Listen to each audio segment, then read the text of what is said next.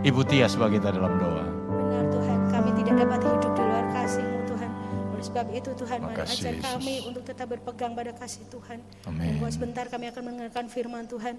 Engkau yang mengetahui setiap kami yang datang saat pagi hari ini Tuhan. Kami yang datang dengan beban, kami yang datang dengan sakit penyakit, kami yang datang dengan kesusahan, kami mau serahkan semua dalam tangan Tuhan. Biar lewat firman-Mu ini kami boleh kembali disegarkan. Amin. Kami boleh mendapat sukacita yang dari Tuhan. Berdoa untuk hamba-Mu yang akan beritakan firman-Mu. Mari Tuhan kau menolong biar Ya, apa yang keluar dari Yesus. lidah bibir hambamu ini adalah kebenaran yang dari Tuhan. Terima kasih Tuhan, terima kasih Allahku. Kami serahkan uh, pemberitaan firman saat pagi hari ini dari awal pertengahan sampai akhirnya. Hanya dalam nama Tuhan Yesus Kristus kami sudah berdoa dan mengucap syukur. Haleluya. Amin. Amin, puji Tuhan. Silakan duduk, selamat pagi. Selamat kita boleh kembali bertemu dalam kasih Tuhan Yesus Kristus. Bapak, Ibu, Saudara diberkati pada pagi yang indah ini. Amin. Allah yang kita sembah adalah Allah yang ajaib, yang luar biasa, yang boleh menolong kita semua. Puji Tuhan, di tengah-tengah kita ada hamba Tuhan Bapak Pendeta Roro G. Sendrato. Beliau melayani di GPDI Purwodadi. Ya, Ah, beliau juga sebagai Ketua Komisi Daerah Penginjilan Jawa Tengah. Ya, kita akan sama-sama dengarkan Firman Tuhan. Biarlah Firman Tuhan boleh menjadi berkat bagi kita semua. Waktu dan tempat saya serahkan.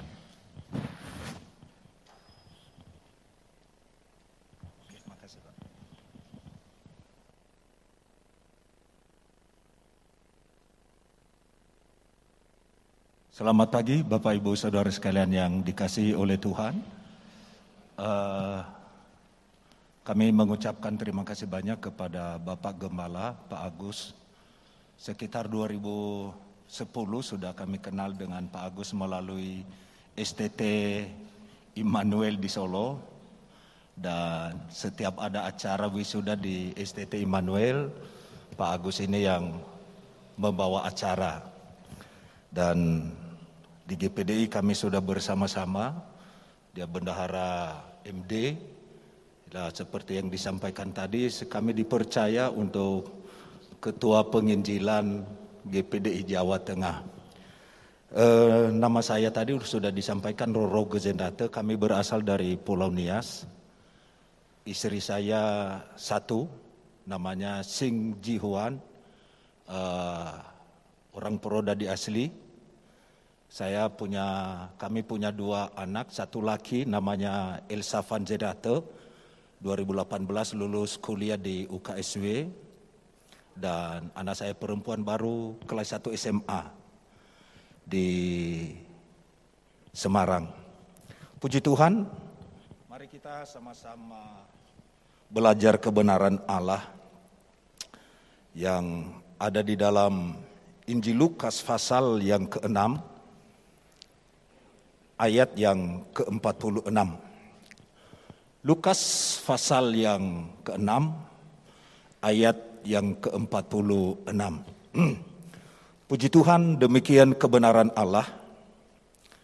Mengapa kamu berseru kepadaku, Tuhan, Tuhan, padahal kamu tidak melakukan apa yang aku katakan?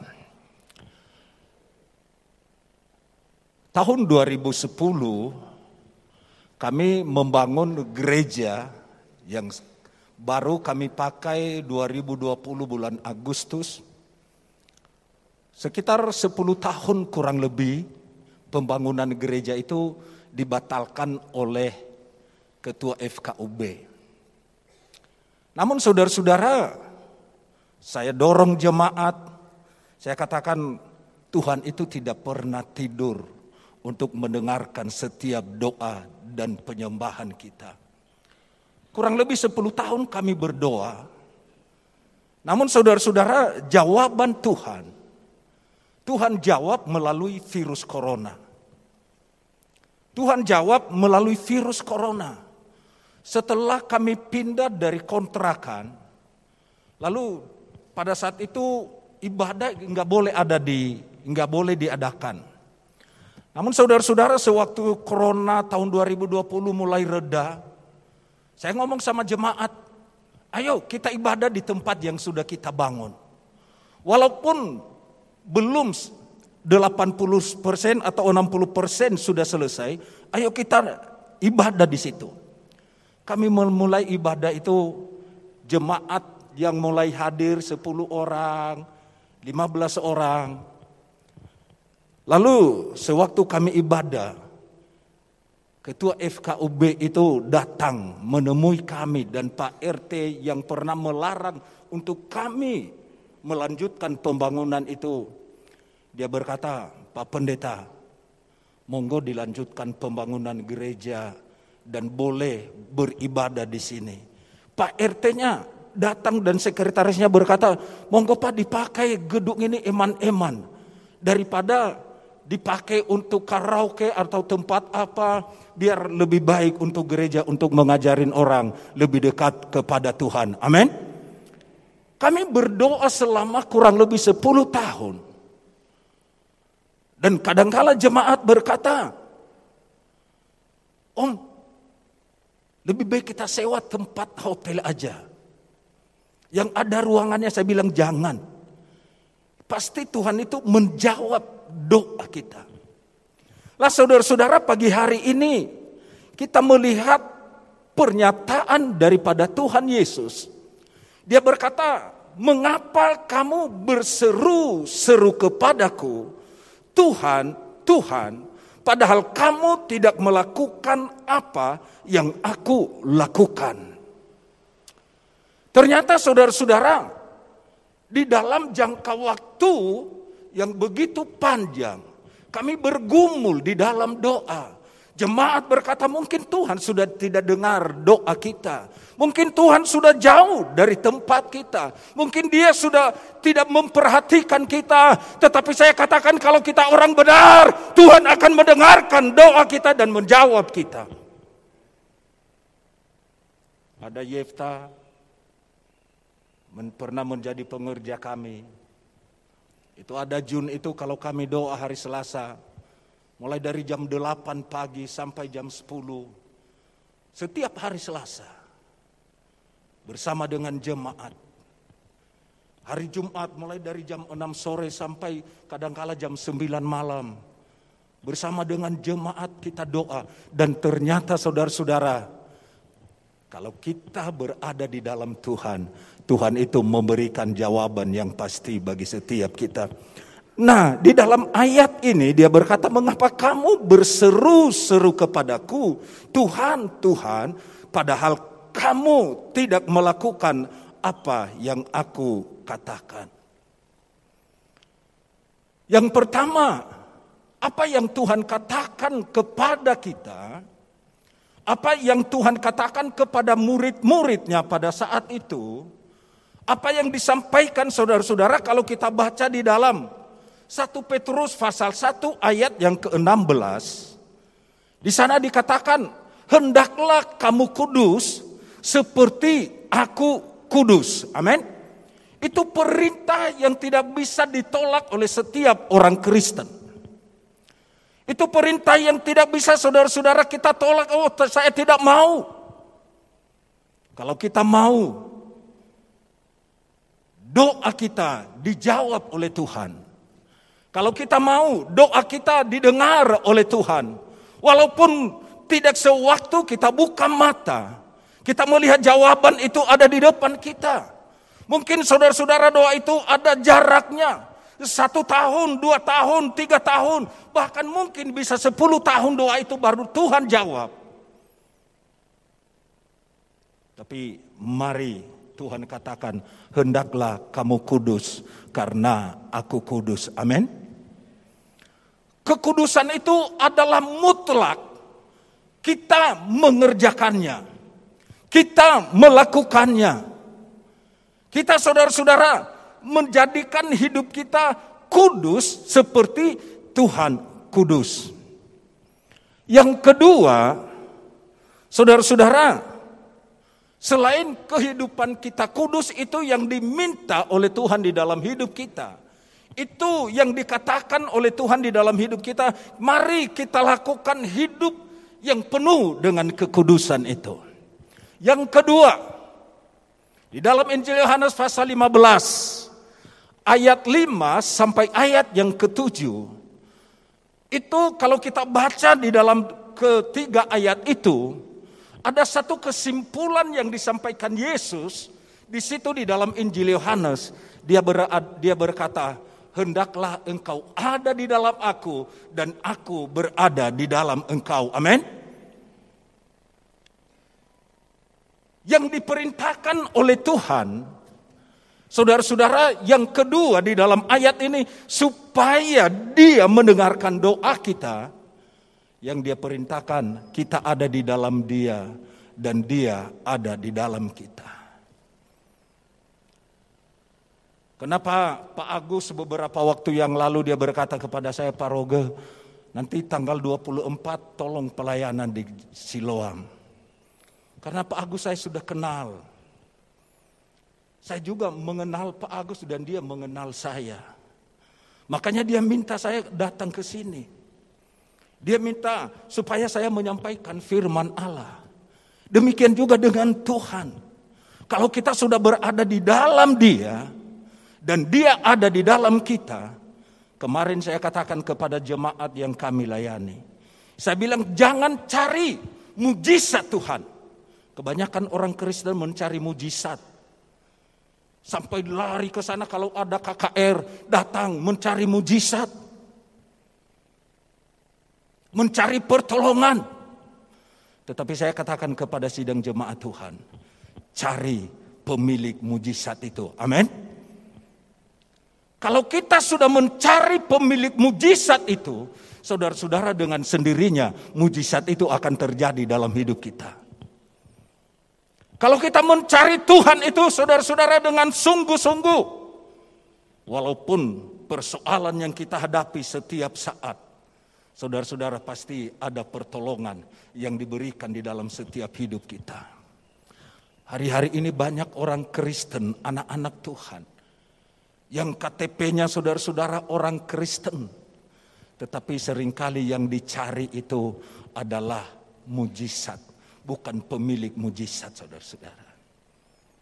Oleh karena sebab itu, mari kita hadirkan dia di dalam hidup kita dan kita masuk di dalam hidup daripada Tuhan yang kita sembah di dalam nama Yesus Kristus. Yang ketiga, Bapak Ibu, yaitu melakukan perintah Tuhan di dalam kisah Rasul pasal 1 ayat yang ke-8. Kisah Rasul pasal 1 ayat yang ke-8. Ada satu perintah yang diperintahkan oleh Tuhan.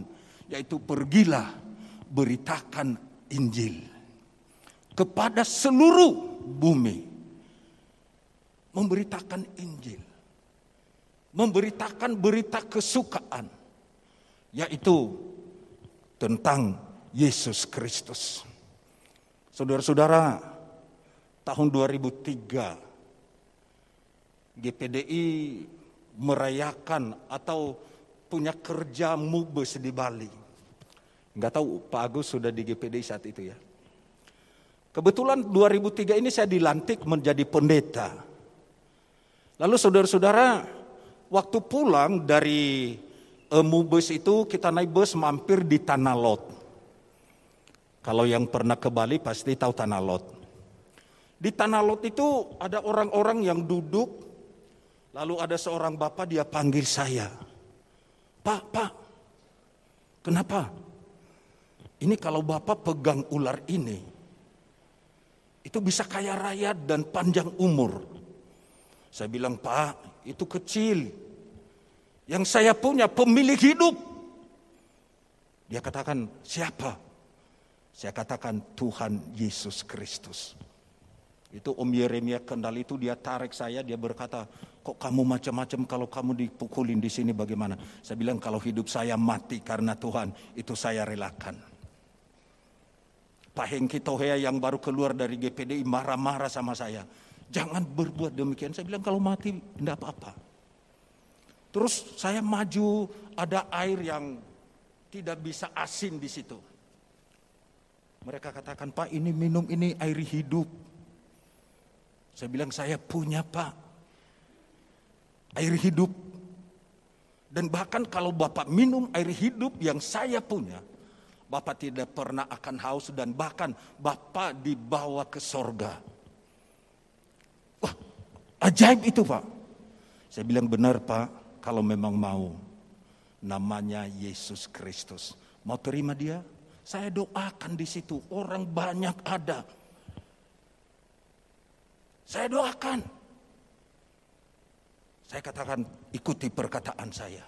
Tuhan Yesus, Tuhan Yesus, hari ini, hari ini saya terima engkau sebagai Tuhan dan Juru Selamat saya. Lalu saya katakan cari gereja yang terdekat di sini Pak.